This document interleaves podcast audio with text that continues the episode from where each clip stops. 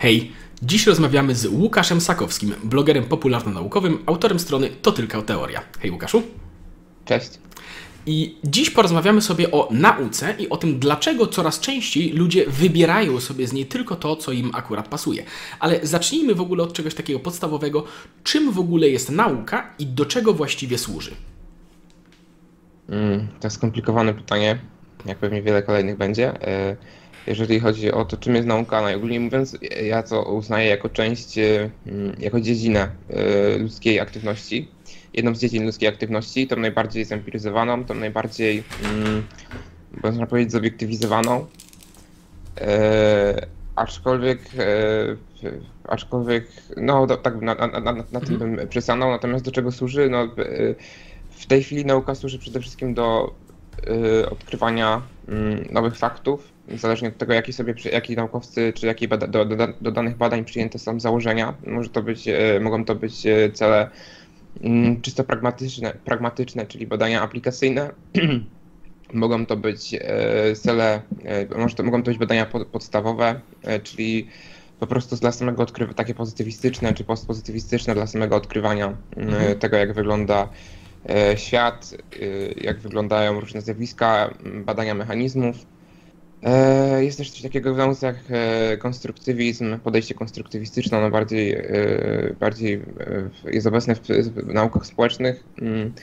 No i w jednym z podręczników, na, z których ja korzystałem, jeżeli chodzi o tego typu takie podejście do badań naukowych, jest też wyróżniany aktywizm, na, nurt aktywistyczny w nauce, on dopiero od lat, autor, zanim tego autora podręcznika to jest y, Crashwella, już nie pamiętam, y, metodologia badań naukowych jakoś tak. Jest też aktywizm wyrosły w latach 90. czy 80. Y, i bazujący na i stawia, naukowcy aktywistyczni, czy też badania aktywistyczne stawiają sobie za cel robienie badań po to, żeby coś konkretnie zmieniać w społeczeństwie. Są często nauki humanistyczne i społeczne. Mhm.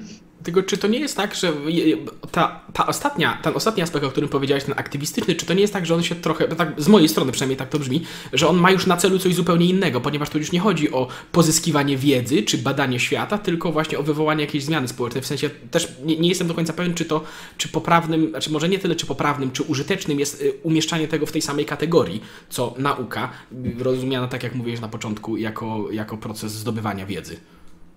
E, moim zdaniem, ja mam podobne, podobne, podobne stanowisko na ten temat. Mm, ona, ona jest, aktywizm naukowy jest co prawda w podręczniku opisywany równorzędnie z pozostałymi, e, aczkolwiek e, autor, mam wrażenie, opisując go, starał się go przedstawić, starał się jakby dać taką, zbudować do niego właśnie dystans z tego powodu. No to widać w, w, w, w, defini w definicji tego, jeżeli chodzi o, jeżeli mamy nauk podejście naukowe, które dąży do tego, żeby mm, zmieniać, żeby w ogóle wpływać na wyniki badania, jakby mhm. z góry, bo to tak jest opisywane, mm, no to, no to dla naukowców o podejściu pozytywistycznym, postpozytywistycznym, takim czysto empirycznym, jest to, jest to no w zasadzie pewnie wielu z nich nie uznaje w ogóle takiego mhm. podejścia za naukowe, aczkolwiek dużo badań naukowych e, tego typu jest publikowanych mm, w czasopismach naukowych, z Nature włącznie. E, zobaczymy, czy to się, czy to się utrzyma, czy to zostanie, mm, czy to zostanie wyparte i pozostaniemy przy konstruktywizmie, przy E, postpozytywistycznym podejściu i jeszcze podejściu aplikacyjnym, czy też mhm. pragmatycznym. Jak, jako po prostu pewna odrębna dziedzina, prawda, że, że wyodrębni się to jako coś, coś innego, tak, a nie, a nie, a nie yy, o ile dobrze rozumiem, a nie, a nie istniejące równolegle do tego, do tego, jak klasycznie, że tak można powiedzieć, chyba była rozumiana nauka, nie? E, no myślę, że tak, samo podejście aktywistyczne wśród naukowców, to znaczy taki światopogląd aktywistyczny do, do, do badań, no, on, on, on jest tutaj w tym podręczniku, na którym ja akurat, o którym teraz ja myślę, mm, on jest opisywany przede wszystkim e, e, Przykłady przede wszystkim są podawane tutaj odnośnie e, tej koncepcji queer i odnośnie nauk, nie tyle nauk, co badań na temat społecznego funkcjonowania osób niepełnosprawnych. Ale można by też po powiedzieć, że tak naprawdę na przykład badania, robienie badań po to, żeby wynaleźć lepszej jakości rolnictwo i zwalczać głód, to też poniekąd jest jakaś tam forma podejścia aktywistycznego, a nie tylko pragmatycznego. Mhm. Także to się trochę miesza i to też jest mm, no, nie takie zupełnie jednoznaczne. Można też robić badania podstawowe jednocześnie z, e, z, z celami aplikacyjnymi, na przykład w genetyce. Mm, także to są takie. E, nie, nie, nie ma tutaj mhm, jakichś takich ścisłych granic e, pomiędzy tymi podejściami. Jasne, rozumiem. Powiedz mi też, czy, czy w ogóle nie zgodziłbyś się z takim ujęciem sprawy, bo ja, ja to zwykle tak ujmuję i powiedz mi też, co o tym myślisz, że nauka tak najbardziej uogólniając można, nauką można określić pewien właśnie proces zdobywania wiedzy o świecie przyrody i konstruowania właśnie faktów naukowych. Mówiąc faktów naukowych, właśnie mamy, tych mamy na myśli tych konstrukcji, które wyłaniają się z metodologii naukowej.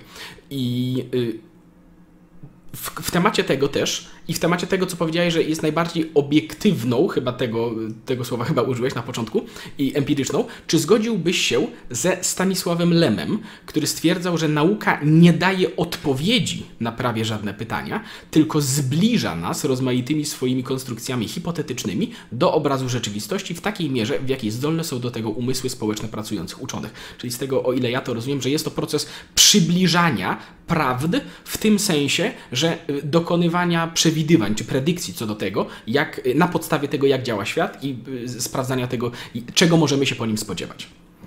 No w ujęciu takim bardziej filozoficznym myślę, że tak. Myślę, że się zgodzę. Okej, okay, okej. Okay. Bo, bo zahaczam, zahaczam o to, bo mówiąc o obiektywizmie nauki, mamy na myśli przede wszystkim to, że ona po prostu działa. Prawda? Że na jej podstawie tworzymy konstrukcje, które pozwalają skutecznie przewidywać to, jak coś się zachowa, czyli jak coś się nie zachowa. Natomiast to też nie jest taka wiedza absolutna, prawda? Że w jakiś sposób y, dająca, nie wiem, pełnię niezachwianego obrazu, tylko właśnie proces przybliżania, o ile dobrze rozumiem. Zgadza się? Mm, zależy pewnie też, jaki temat y, weźmiemy pod uwagę. Y, są takie, które są dość w, w, pewnie nie w 100% zbadane, ale albo zależnie też jaki kontekst weźmiemy danego tematu. Natomiast, y, natomiast tak ogólnie rzecz biorąc i nie zagłębiając się w niuanse, to myślę, że tak. Jasne, to tylko tak ponownie tworzymy tutaj taki dość ogólny obraz, też nie bez wchodzenia w jakieś filozoficzne szczegóły, bo to jest w ogóle filozofia nauki, to jest zupełnie osobny jeszcze, prawda, temat. Okej, okay, więc przechodząc do tego, o czym, o czym mieliśmy przede wszystkim mówić, to dlaczego w takim razie ludzie nie ufają nauce, skoro tak jak mówiliśmy, no generalnie nawet fakt, że rozmawiamy tutaj na odległość, prawda, jest y, generalnie skutkiem wielu, wielu, bardzo wielu prac naukowych, prawda, przełożonych potem na projekty inżynieryjne i tak dalej, i tak dalej. Więc ona, ta nauka efekt, ewidentnie przynosi skuteczne rezultaty. Tymczasem, tak jak zauważasz też u siebie, prawda, w swojej działalności często, wielu ludzi, a może być może nawet coraz więcej ludzi ma sceptycyzm wobec dokonań naukowych, więc dlaczego tak jest oraz czy mogą być tego uzasadnione powody? To jest jeszcze bardziej znacznie bardziej skomplikowane pytanie. Tylko takie będą. Ja szczerze mówiąc nie lubię takiego pytania, dlatego że myślę, że jest bardzo wiele powodów, ale mhm. jestem prawie zawsze o nie pytany w różnych rozmowach. E, jest bardzo wiele powodów moim zdaniem, dlaczego ludzie nie ufają nauce i to pewnie zależy od osoby i pewnie nawet już nawet względem jednej z tylko osoby, e, jeżeli ją już wypytamy, to się okaże, że tych powodów jest e, wiele. Myślę, że wiele osób w ogóle nawet nie, ma, nie zdaje sobie sprawy z tego, co to jest nauka. Wiele rzeczy mamy nieuświadomionych, na przykład tutaj bardzo, to, bardzo dobrze obrazuje to sprawa z, ze zwolennikami, że tak powiem, naturalności. E, rolnictwa ekologicznego, które uchodzi za naturalne, czy tam jakieś bardziej naturalne, chociaż to też nie jest prawda. E, takie osoby często mówią o naturalności, że to jest bardziej naturalne i tak dalej, nie zdając sobie w ogóle sprawy na przykład z tego, że mm, piszą przez internet te komentarze, przez komputer, które nie są czymś jakby naturalnym w tym sensie, w jakim one to, to o tym mówią. W tym sensie tak, rolnictwo samo w sobie chyba w ogóle nie jest naturalnym zjawiskiem, prawda? Więc, więc... No za to zależy w ogóle jak to, z jakiej perspektywy patrzymy, bo to jest wytwór człowieka i mhm. jakby to, co człowiek wytwarzamy, można też uznać za naturalne, bo my jesteśmy efektem ewolucji biologicznej i tak dalej. To wszystko zależy od kontekstu i to zabawa semantyką, epistemologią i w ogóle. No w każdym razie wiele osób ma nieuświadomione, nieuświadomione pojęcie, nie, nie wiedzą do końca, co to jest nauka, jak działa y, i myślę, że pewnie wielu samych naukowców tak nie do końca zdaje sobie z tego sprawę, albo nawet e, w dużym stopniu robią swoją dziedzinę i na tym się znają, ale takiej szerszej wiedzy, e, czy to nawet w swojej dziedzinie, czy w ogóle szerzej na temat nauki, czy właśnie filozofii nauki, bo tak de facto uważam, że naukowcy jakieś tam podstawy z filozofii nauki też znać powinni, metodologii i tak dalej, no nie mają. Myślę, że to jest kwestia nieuświadomienia. Natomiast oczywiście to, że brak zaufania jest i występuje brak zaufania do nauki, jeżeli powiedzmy bo być może o to bardziej chciałeś zapytać, że są ludzie, którzy jak, nawet jak im się przedstawi dowody, to czy naukowe, albo wyjaśni o co chodzi, to one, one tak będą nieufne. No i tutaj też może być cała masa rzeczy. Może być to kwestia tego, że to, co mówi nauka, jest sprzeczne z światopoglądem, czy z e, wyznawanymi e, religi- światopoglądami religi- religią. E, może być to kwestia również tego, że o, na przykład jeżeli chodzi o ludzi, którzy są schorowani albo którzy mają osoby bardzo mocno chore, E, i które e, nabierają się na różnego rodzaju szarlatanów, znachorów i tym podobne osoby, to są często e, działania pod wpływem silnych emocji, desperacji i to też prowadzi do odrzucania mm, faktów. Czytałem kiedyś taką książkę, już nie pamiętam w jakiej książce to było niestety, ale to było wyjaśnione, że autor pisał, że mm, miał kogoś tam bliskiego w szpitalu i dopóki nie, nie, nie był w dopóki nie, nie, nie, nie dostał się do szpitala, do tej osoby tam, która w tym szpitalu chyba po wypadku, czy po, po czymś tam leżała, to się modlił, bo czuł jakby, że jedyne co może zrobić, to może właśnie zrobić to. Jak już, dosta, jak już dotarł do szpitala i był tam z tą osobą, to sobie pomyślał, że w sumie to nie miało żadnego sensu. Także po prostu nie mógł, e, w tamtej chwili nie mógł nic innego zrobić, więc e, chwytał, chwytał się desperackich e, kroków czy działań. No i tak jest też w bardzo wielu przypadkach, zwłaszcza jeżeli chodzi o kwestie właśnie zdrowotne, tak jak i tutaj. No ja to bardziej obserwuję, oceniam i komentuję odnośnie medycyny y, czy pseudomedycyny. Y, kolejny powód jest taki, że naukowcy bywają w mediach y, niestety bardzo aroganccy, bardzo. Mm, no, no, nawet jeżeli mają rację, często mają oczywiście rację, to, to wypowiadają to w sposób mm, ofensywny, obraźliwy często, ja czasem się przyznaję do błędu tego, że kiedyś też bywało, zdarzało mi się w taki, e, w nie, powiedzmy, no, komunikacyjny sposób wypowiadać na tematy na przykład szczepień. E, także to myślę, że też jest kolejna rzecz mm, tego, że ludzie są zdystansowani mm, do nauki, ale myślę, że to też jest kwestia upadku trochę, czy może nie upadku, ale jakby obniżenia zaufania do autorytetów instytucji, E, wiele instytucji naukowych to są instytucje powiązane z państwem, e, a e, zaufanie do państwa, na przykład do Ministerstwa Nauki i Szkolnictwa Wyższego, teraz chyba to jest też Ministerstwo Edukacji i Nauki, jest niższe. Wiele instytutów, czy no ogólnie rzecz ujmując, instytutów, to są instytucje podpięte pod agencje, są agencjami państwowymi. Mhm. No tutaj to też jest kwestia braku zaufania wynikająca z działań firm, które zajmują się nauką, bo trzeba, nie, nie, można, no, taki przykład, znaczy jest coś takiego, taki, taki, nie wiem jak to określić, mem, może mem, e, wyśmiewania się z, przepraszam, ludzi, którzy mówią o Big Farmie, e, że Big Pharma chce zniszczyć tam, depopulować ludzkość i tak dalej, i tak dalej.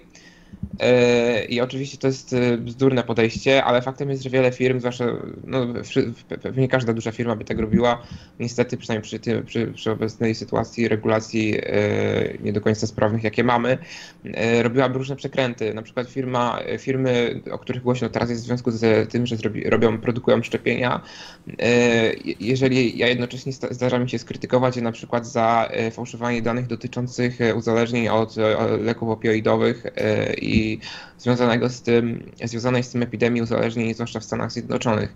E, to bywało, zdarzało się, że bywałem oskarżany właśnie o e, bycie jakimś, e, do, tutaj padały właśnie te takie, nie wiem, czy to jest, no, no takie symboliczne memy na temat tej całej Big Farmy i tak dalej, także myślę, że dużo firm, które zajmują się nauką, badaniami medycznymi i to nie chodzi tylko o medyczne, ale też badania e, właśnie agrobiologiczne i tak dalej, e, no też ma na swoim koncie dużo różnych, mm, okej, okay, to, że komuś coś źle wyszło w badaniach i się okazało potem, że było inaczej, to jest jedna rzecz, ale no zdarzają się prawdziwe działania prawdziwe fabrykowanie danych, czy też podkręcanie ich, że tak to ujmę, statystyczne, E, czy inne działania, które są no, nieetyczne i nie powinny mieć miejsca.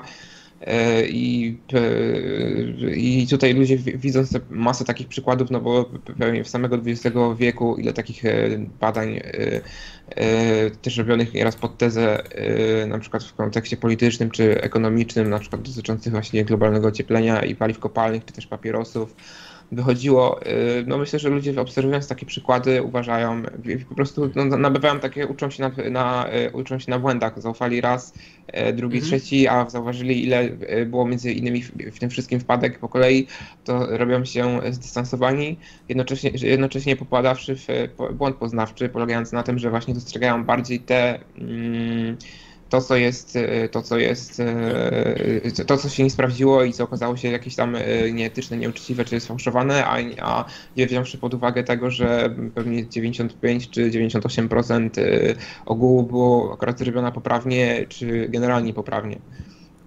Spoko, bo właśnie miałem dopytywać właśnie o, o, tego typu rzeczy, y, takie jak błędy, czy właśnie zafałszowania, które się faktycznie, czy, czy właśnie sponsorowane badania i tak dalej, ale wydaje mi się, że wyczerpałeś to bardzo dobrze, także, także w takim razie chciałem y, przejść do tego, co powiedziałeś też wcześniej, o co zahaczyłeś, że wiąże się to poniekąd, brak zaufania do nauki, y, wiąże się z kryzysem autorytetu ogólnie, ponieważ mamy kryzys autorytetu do wszystkiego, do, do wszelkich możliwych instytucji społecznych tak naprawdę, mam takie wrażenie przynajmniej i Pewnie, powiedz co, powiedz co myślisz na ten temat, ale odnoszę wrażenie, że w momencie, kiedy od kilkudziesięciu lat już tak naprawdę na zachodzie, w Polsce może trochę krócej, ale nadal dość długo, y, narracja taka panująca y, do ludzi jest Pamiętaj, żebyś miał własne zdanie. Pamiętaj, żebyś samemu sobie wyrobić, co masz myśli na dany temat. I to nie jest krytyka generalnie tego podejścia, bo z tego też płynie dużo korzyści i tak dalej, ale w momencie, kiedy y, czymś takim karmi się ludzi i generalnie każe się im podważać wszelkie autorytety i podważać wszelkie instytucje, które próbują odgórnie mówić, co jest właściwe, a co nie,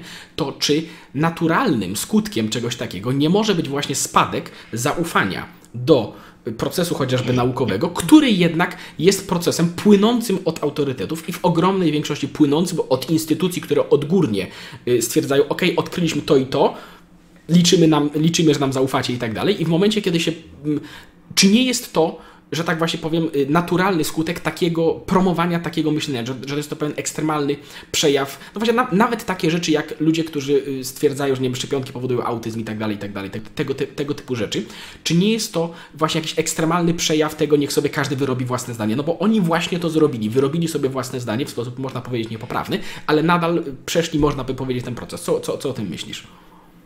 Ja może zacznę tak. E, przeczytałem może z 2-3 tygodnie temu e, książkę wydaną przez krytykę polityczną pod tytułem e, To nie jest propaganda Petera Pomarancewa. Mm, I on tam twierdzi, on tam się pisze o dezinformacji, o fałszywych informacjach i tak dalej, i tak.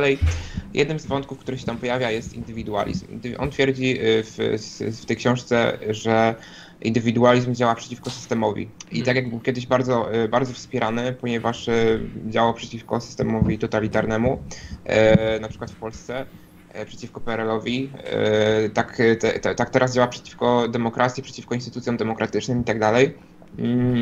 No i jak, ja, ja, ja się z, z, z, takim podejściem generalnie rzecz biorąc zgadzam, to znaczy uważam, że to jest taki jakby trochę atawizm. Utarło się, że indywidualizm jest dobry, bo kiedyś tam powiedzmy względem tego systemu totalitarnego był dobry.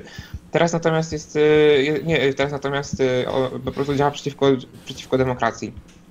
E, można to też, e, tutaj inny ciekawe, znaczy można sobie na przykład wyobrazić sytuację, w której, e, jeżeli chodzi o samo takie analogizowanie zjawiska, można sobie wyobrazić sytuację na przykład za 50 czy 70 lat, kiedy udało się ujarzmić globalne ocieplenie i spalanie węgla w jakichś tam określonych sytuacjach wcale nie byłoby takie szkodliwe, a może, może nawet byłoby w określonych sytuacjach korzystniejsze niż inne metody pozyskiwania energii, ale na pewno byłaby grupa ludzi, którzy tylko z samego tego faktu, że kiedyś to było szkodliwe, były, powtarzałaby, że to jest szkodliwe. Tak jak na przykład teraz mamy z elektrowniami jądrowymi, ludzie po prostu w kółko przypominają Czarnobyl, nie myśląc o tym, że to się, y, że teraz, że to był tam błąd człowieka, a dwa, że, y, że ta katastrofa nie była wcale taka straszna, jak się ją przedstawia, no i trzy, że też technologia się dużo zmieniła.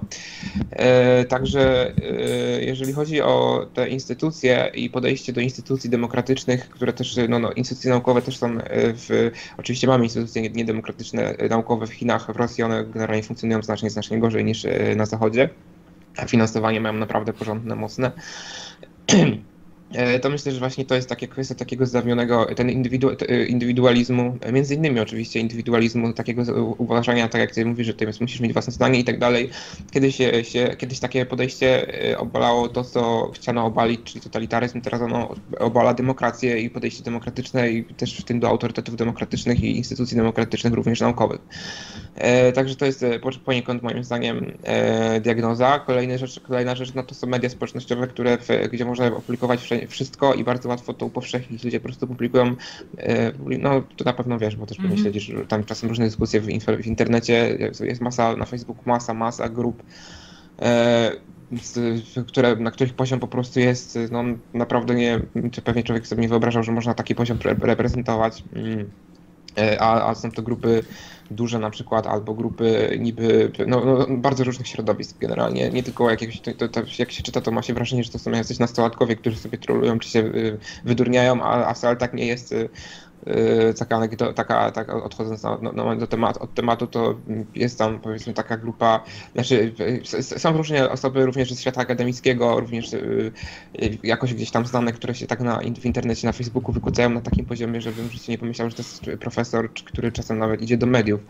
E, zatem, zatem media społecznościowe moim zdaniem też są powodem tego, że e, autorytety również naukowe się zdewaluowały ale jest to także to, że e, bardzo często e, w ostatnich paru latach, jak ja tak obserwuję, więc no to jest moje, moim zdaniem przynajmniej tak jest, że ludzie, którzy ludzie, którzy są jakoś tam ludzie, którzy są jakoś tam powiedzmy na coś, czegoś, coś osiągnęli, czy czegoś dokonali, są za, zazwyczaj takie osoby popadają w taki sam, nie wiem jak to nie wiem czy zazwyczaj, ale często popadają w taki samozachwyt, co się nawet ma nazwy syndrom noblisty, ale dotyczy też profesorów, generalnie ludzi, którzy są w nauce zasłużeni i zaczynają się wypowiadać na tematy, no, jakieś głupoty opowiadać na tematy, o których nie bardzo wiedzą, co mówią.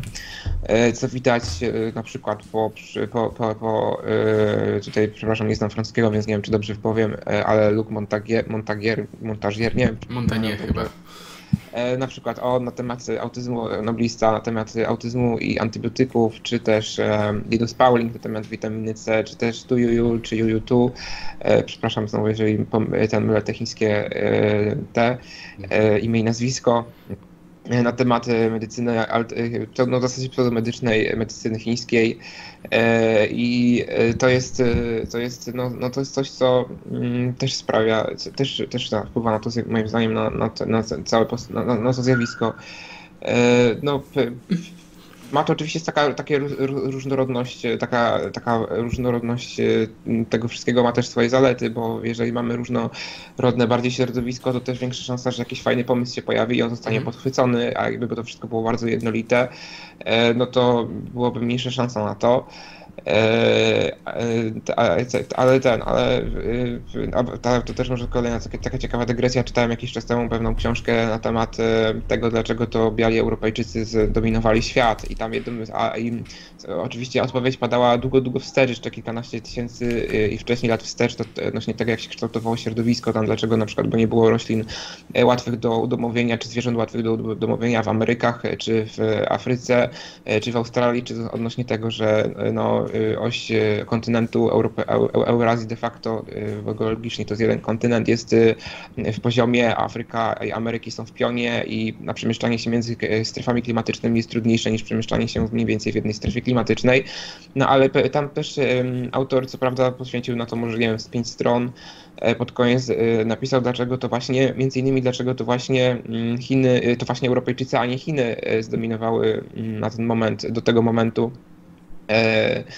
gdzieś tam od XV czy XVI czy XVII wieku e, zdominowały świat i on podawał moim zdaniem bardzo, bardzo, bardzo racjonalnie, że po prostu Chiny były tak jednolite i Europa była bardzo, bardzo zróżnicowana, było masa różnych takich tam państwewek, państwek księstewek i tak dalej że właśnie ta różnorodność i a do tego ta konkurencja między państwami europejskimi mm, miała istotne, istotne znaczenie, dlatego żeby, że, ta, że, że to Europie się udało zdominować i w ogóle skolonizować świat, no a teraz odcina od tego kupony.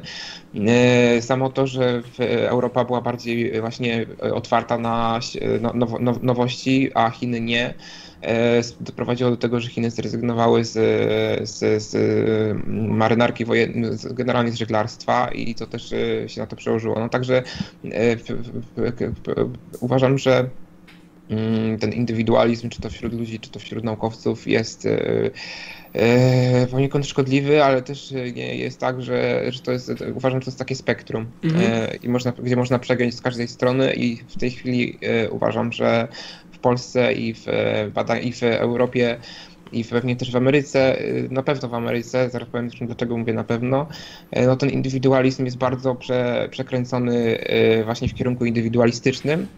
A mówię, dlaczego, powiedziałem dlaczego na pewno, dlatego że właśnie przygotowuję reportaż taki popularno-naukowy na temat, e, taki pisa, pisany, tekstowy na temat e, kryzysu demograficznego i jednym z wątków, które tam e, poruszam, kryzysu demograficznego w Europie, rzecz jasna i w Polsce, bo inne są regiony, gdzie, gdzie się jest eksplozja, ale są też takie regiony jak Europa, gdzie się, gdzie się jest wyludnienie.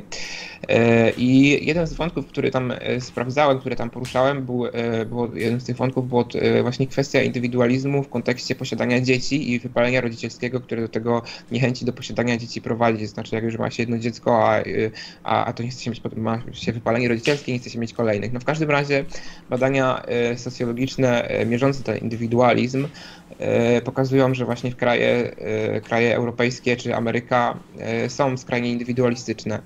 Także a propos tego, że Ameryka na pewno jest. Więc, więc uważam, że to spektrum tego indywidualizmu jest, no, ta, ta, ta szala zaczyna, ta, ta, ta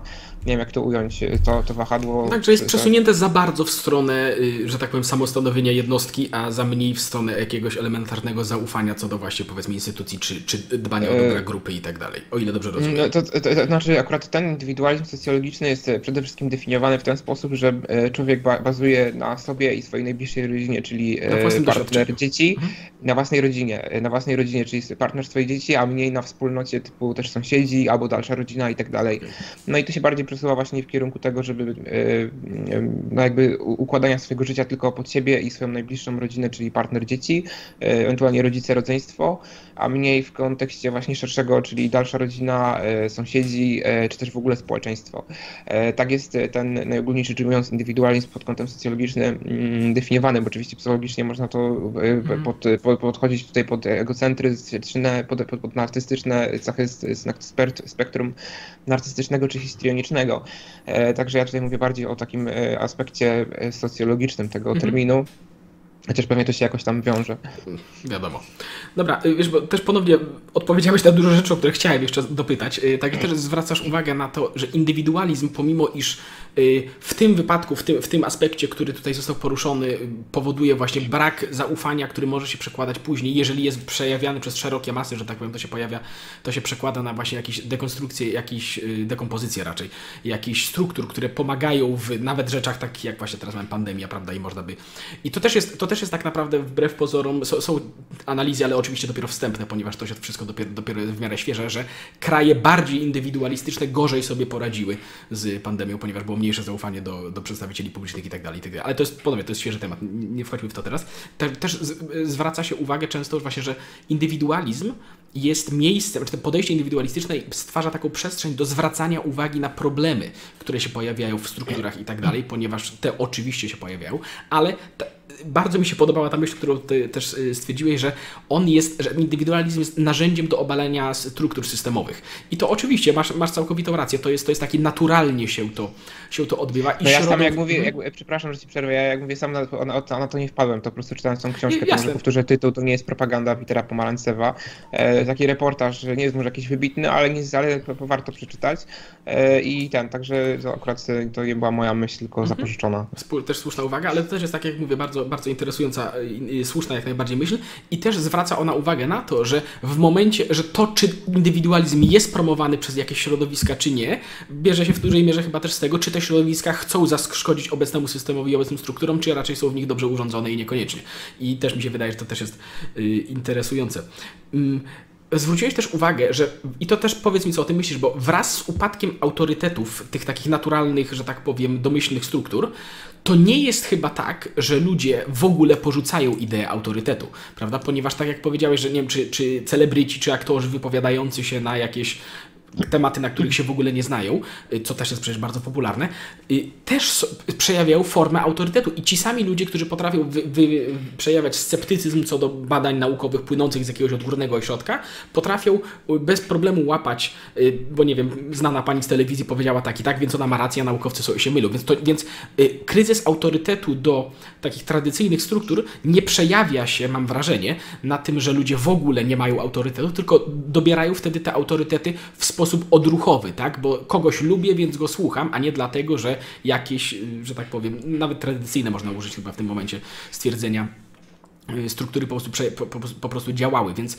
ten kryzys autorytetu przejawia się na wybieranie złych autorytetów, a nie ich brak. Nie wiem, czy się zgodzisz z tym. To myślę, że tak. Ludzie, którzy e, chcą obalać autorytety, mówią o tym, że na przykład, nie wiem, stereotypy są złe, jednocześnie tworzą własne stereotypy, mm -hmm. nowe stereotypy, albo po prostu nie tyle je tworzą, co rozpowszechniają jakieś niekoniecznie czasem, e, e, czasem bardziej, czasem mniej prawdziwe. Jeżeli chodzi o autorytety, to również na przykład wśród, tak jak ja, ja nazywam to no na przykład wśród kreacjonistów powiedzmy, są ludzie, którzy obalają biolog, znaczy obalają, no negują e, fakty biologiczne, krytykują tam Richarda na przykład Dawkinsa, to on jest taką ikoną, jeżeli chodzi o ewolucję, ale oczywiście jest cała masa innych naukowców. Zresztą sam autor tej książki a propos tego, dlaczego Europejczycy zdominowali świat, e, Jared Damon, on też jest biologiem i biografem. No w każdym razie na przykład kreacjoniści właśnie, czyli ludzie, którzy negują ewolucję biologiczną, E, bardzo często negując te autorytety, tam właśnie twierdzą, że trzeba mieć otwarty umysł, że trzeba e, właśnie, właśnie myśleć samodzielnie i tak dalej. Jednocześnie też miałem swoje, e, szereg swoich autorytetów, swoich autorytetów jakichś tam parabiologicznych, które notabene, jak się okazuje, często nie miałem w ogóle ani w związku z biologią, a do tego tam, no tak jak to często bywa w takich sprawach, dochodzą u takich osób jakieś biznesy związane z tym, takie szemrane biznesy związane z jakąś tam gałęzią, e, gałęzią pseudo, pseudonauki. E, no, także ja uważam, że te autorytety, to nie ma tak, że jest obalanie autorytetów czy obalanie stereotypów, tylko po prostu tworzenie nowych, obalanie starych i tworzenie e, nowych i potem ocenianie przez pryzmat, przez pryzmat już tych nowych, a nie, a nie tych starych.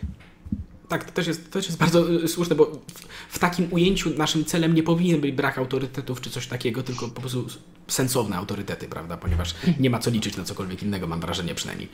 I tak, wiesz... ale też jeszcze mm? tylko dodam takie rozczłonkowanie, że tak powiem, to nadmierne właśnie zróżnicowanie, ta nadmier nadmierna różnorodność powoduje też, że ta autor, sama jakby liczba ludzi, którzy określone autorytety mm -hmm. wyznają, też się bardzo roz, rozdrabnia i to też rozwadnia, y, oczywiście można powiedzieć tak, że dla tych dobrych autorytetów, naukowych autorytetów jest to niekorzystne, natomiast dla, jeżeli taka, y, takie rozdrobnienie następuje względem autorytetów, y, które które ktoś uzna, ja uznam, ty uznasz, ktokolwiek, no to jest kwestia subiektywna za, y, przynajmniej po części, za, za szkodliwe, no to będzie pewnie zjawisko pozytywne. Mhm. Także to też zawsze zależy od tego, do czego się odnosimy, czy do kogo się odnosimy. Jasne, to też słuszna uwaga, że, że jednym może być to na rękę, innym niekoniecznie. Dobra, ale tak jeszcze przechodząc do może trochę, trochę bardziej negatywnej strony tego, co o czym mówimy, bo z perspektywy takiej szarej osoby, która nie ma, y, nie ma wyszkolenia naukowego, prawda, i nauka jest czymś, co gdzieś istnieje, prawda, ale on się w to nie angażuje, no bo, czyli ogromnej większości, no bo nauka jest oczywiście zjawiskiem dotyczącym, myślę, że mogę powiedzieć elitarnym, to chyba nie będzie przesada, prawda, ponieważ nie można tak z marszu zostać naukowcem, tylko potrzeba gruntownego, rzetelnego przygotowania, praktyki itd., tak itd. Tak Więc z perspektywy takiej przeciętnej osoby, która jest odcięta jednak trochę od tego procesu,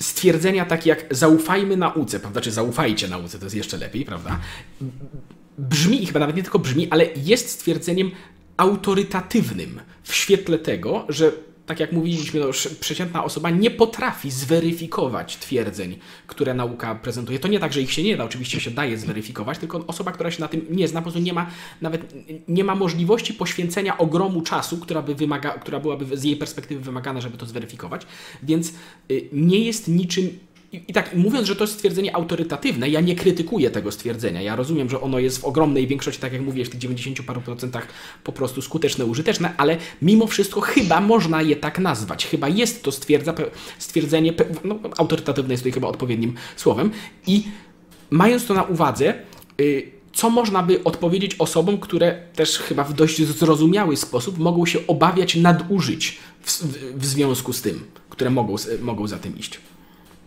Myślę, że samo hasło zaufaj nauce to jest po prostu takie hasło, tak jak mamy hasła różne, nie wiem, polityczne, reklamowe i tak dalej. Oczywiście można jakoś tam analizować, rozpatrywać. Ostatnio czytałem książkę Sławoja Ziska, który opatrywał, rozpatrywał e, hasło Obamy jest weekend. Jakoś tak to, ja tam wtedy jeszcze mm tak polityki nie śledziłem, ale Obama tak mówił.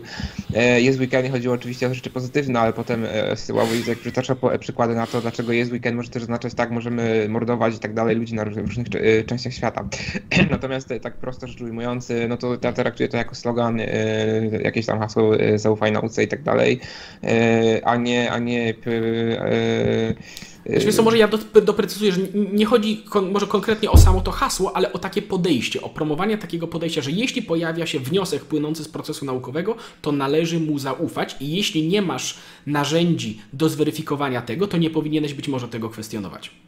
Podkreślam to. Eee, nie, szczerze mówiąc, ciężko mi się odnieść do sytuacji, w której nie ma się narzędzi do tego, żeby to kwestionować.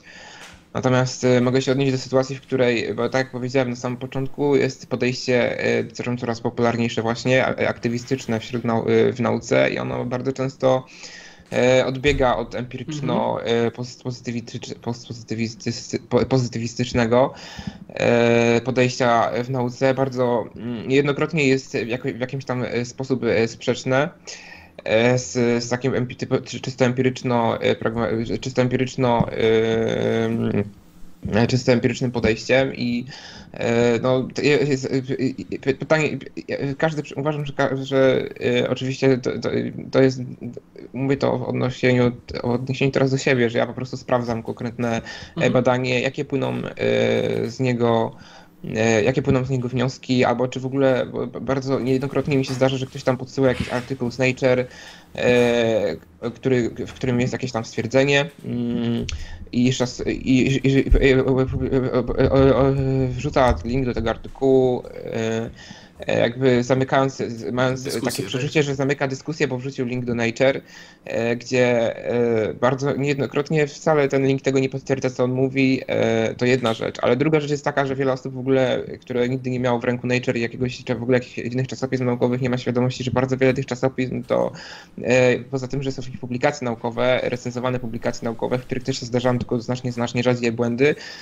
więc no, tutaj zaufanie jest dużo wyższe, ale poza tym, że są te publikacje naukowe recenzowane, to są też y, artykuły publicystyczne, są newsy, są reklamy.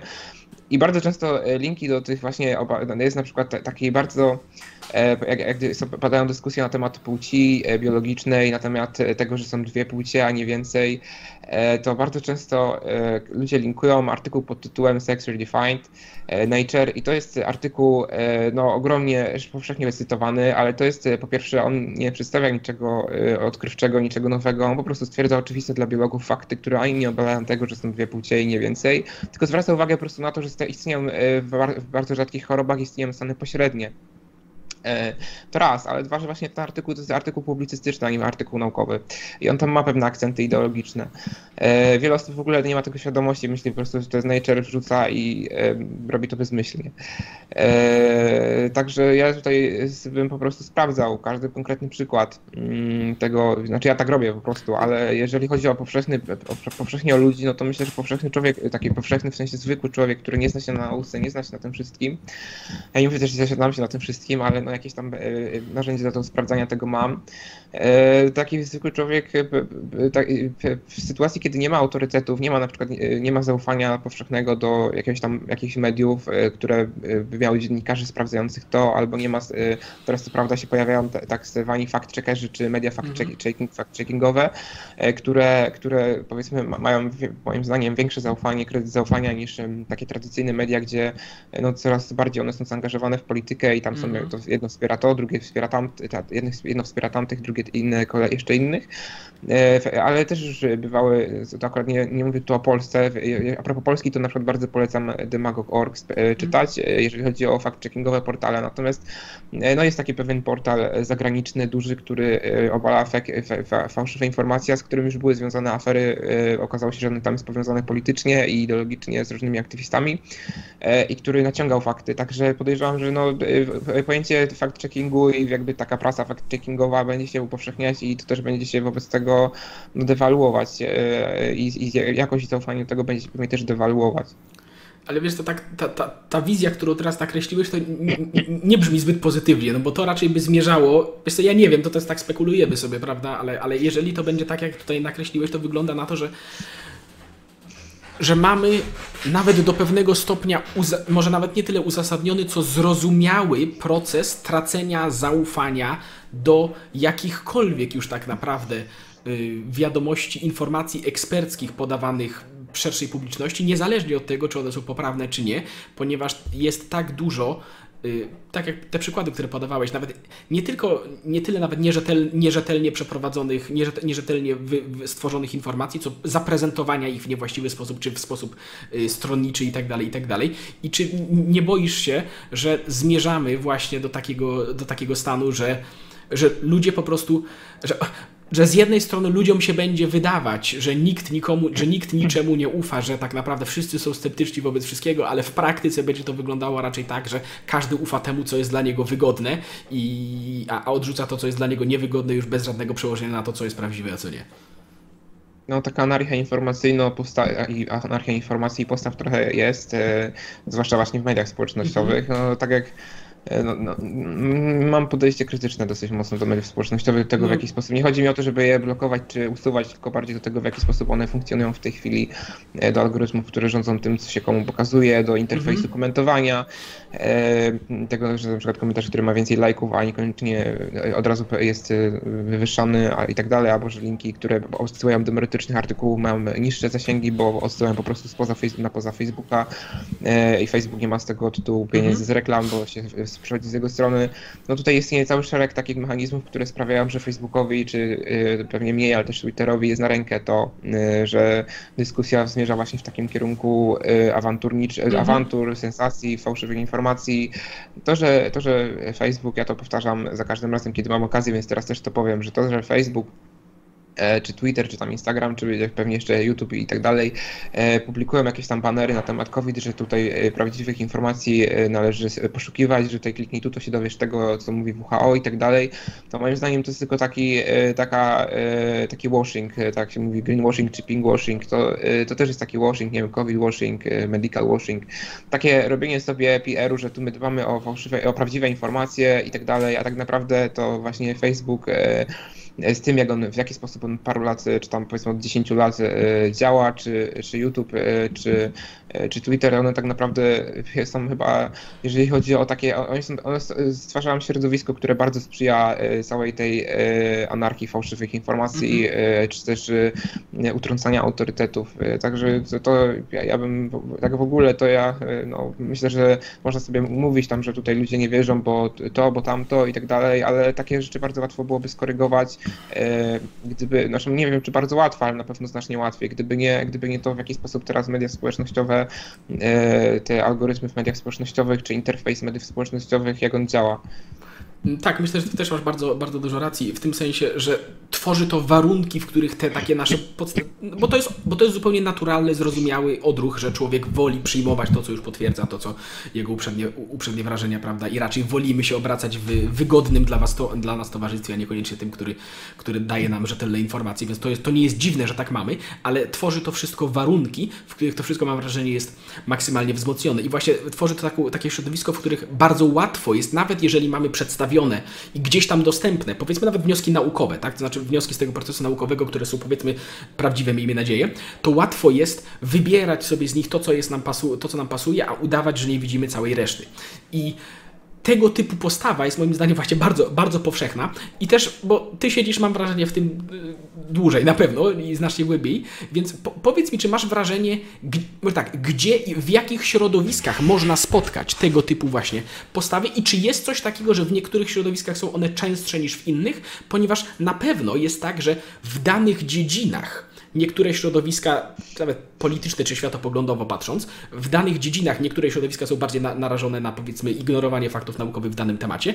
No, nawet przykład, tak, no, no, to też nie będzie nic odkrywczego, tak, że y, osoby konserwatywne znacznie częściej odrzucają wnioski płynące z procesu naukowego na temat y, antropologi antropologicznego. Y, nie, jak, jak, jak, jakie ewolucji, Powiedzmy ogólnie ewolucji może. Znaczy nie, miałem na myśli, miałem na myśli, miałem na myśli człowiek, y, miałem na myśli zmian klimatu powodowanych przez człowieka, ale mi wyszło antropogenicznego, masz rację, wypadło mi słowo, tak, dokładnie, dokładnie to miałem powiedzieć, wypadło mi to słowo, że w środowiskach konserwatywnych częściej znajdzie się sceptycyzm wobec wniosków procesu naukowego wobec tego, ale czy, czy sądzisz, że ogólnie w których, w których środowiskach jest więcej y, tego typu sceptycyzmu wobec, wobec nauki, czy, czy po prostu w różnych środowiskach jest ten sceptycyzm do, różnego, do różnych dziedzin? No, nawet odnośnie samego globalnego ocieplenia, to można to już zniuansować, chociażby y, na to, że y, no, i badania naukowe, naukowcy y, IPCC, w sensie Międzynarodowy Panel do Spraw Zmian Klimatu, mówi, że konieczne do tego, żeby opanować globalne ocieplenie jest przechodzenie na energetykę jądrową. A negowanie tego, że energetyka jądrowa współczesna, nowoczesna jest bezpieczna i tak dalej, to to jest akurat z kolei domena, domena bardziej lewicowo czy liberalno-zielonych aktywistów i, i środowisk politycznych. Więc samo negowanie zjawiska globalnego ocieplenia to była domena konserwatystów, która zresztą też mam wrażenie, znaczy już się ucie, jednak ludzie, przynajmniej w Polsce, y, no, nawet już konserwatyści raczej tego nie negują, y, tak ogólnie, ogólnie rzecz biorąc. Natomiast, y, natomiast z kolei te, ten aspekt bardziej te, powiedzmy techniczny, to taki aspekt podstawowy, natomiast ten aspekt bardziej taki techniczno-aplikacyjny, to tutaj bardziej aktywiści, ekoaktywiści, którzy są raczej lewicowi czy liberalni, nie lubię tego mieszać, ale niestety to się często miesza ze sobą. Jest, są. Tak, są, są, yy, są tutaj bardziej powiedzmy antynaukowi czy antytechnologiczni.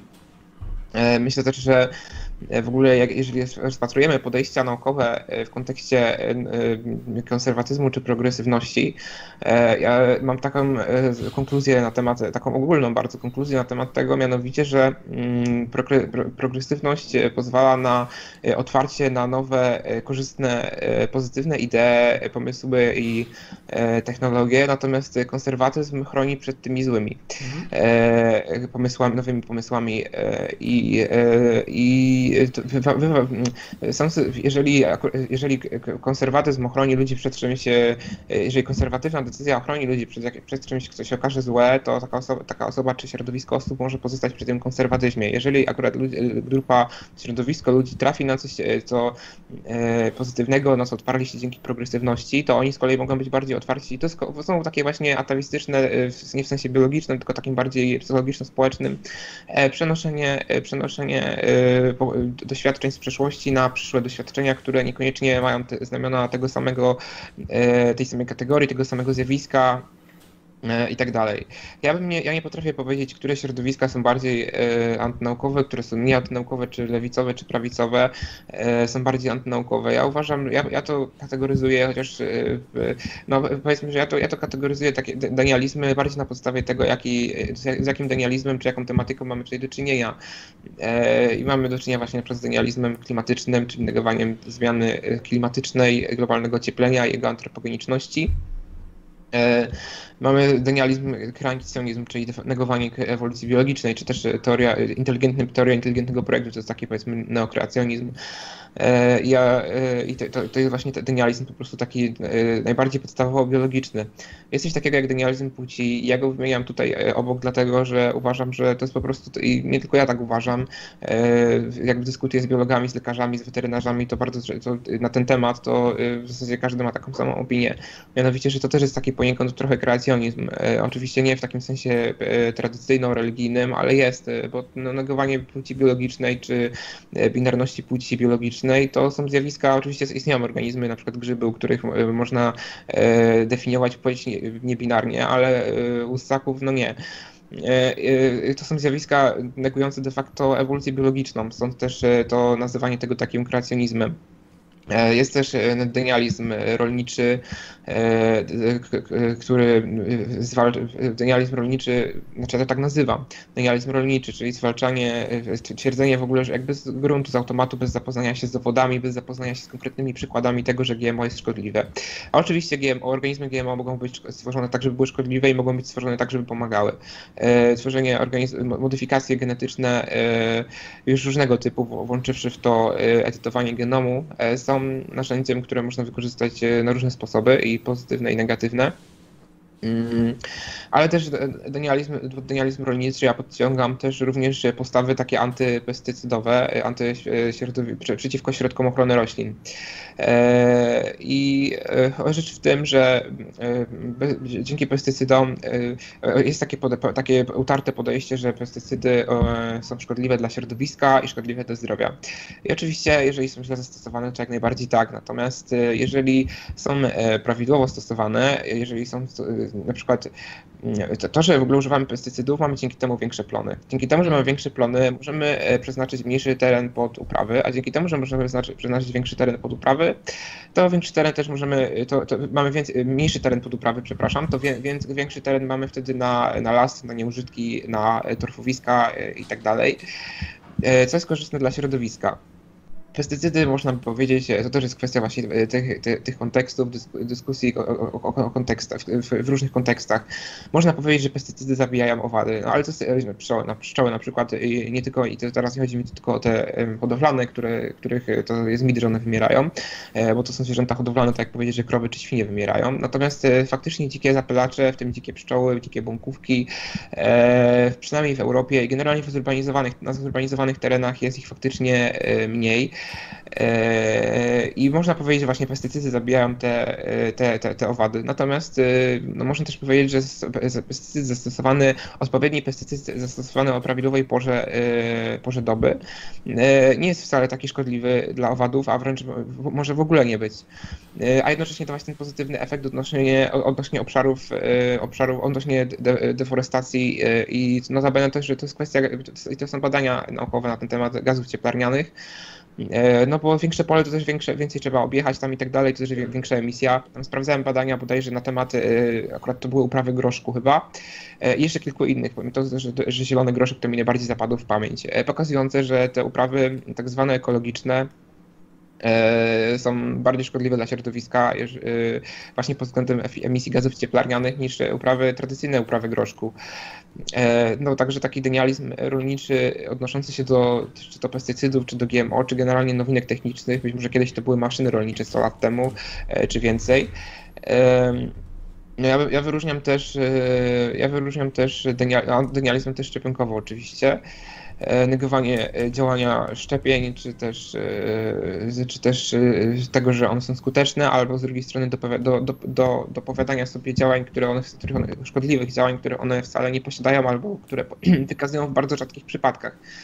E, także ja tutaj, e, ja tutaj klasyfikuję denializmy bardziej na podstawie Jasne. E, zjawiska niż przypisywania ich konkretnym środowiskom. Oczywiście pewnie z socjologicznej bardziej perspektywy można by tak zrobić, zrobić badania, że tutaj jak wśród różnych ludzi zbadać jakie cechy one wykazują, czy do jakich środowisk należą i jakie te denializmy e, są u nich powszechniejsze. Ja takich badań e, nie, teraz nie mam niczego takiego, mi się nie przypomina.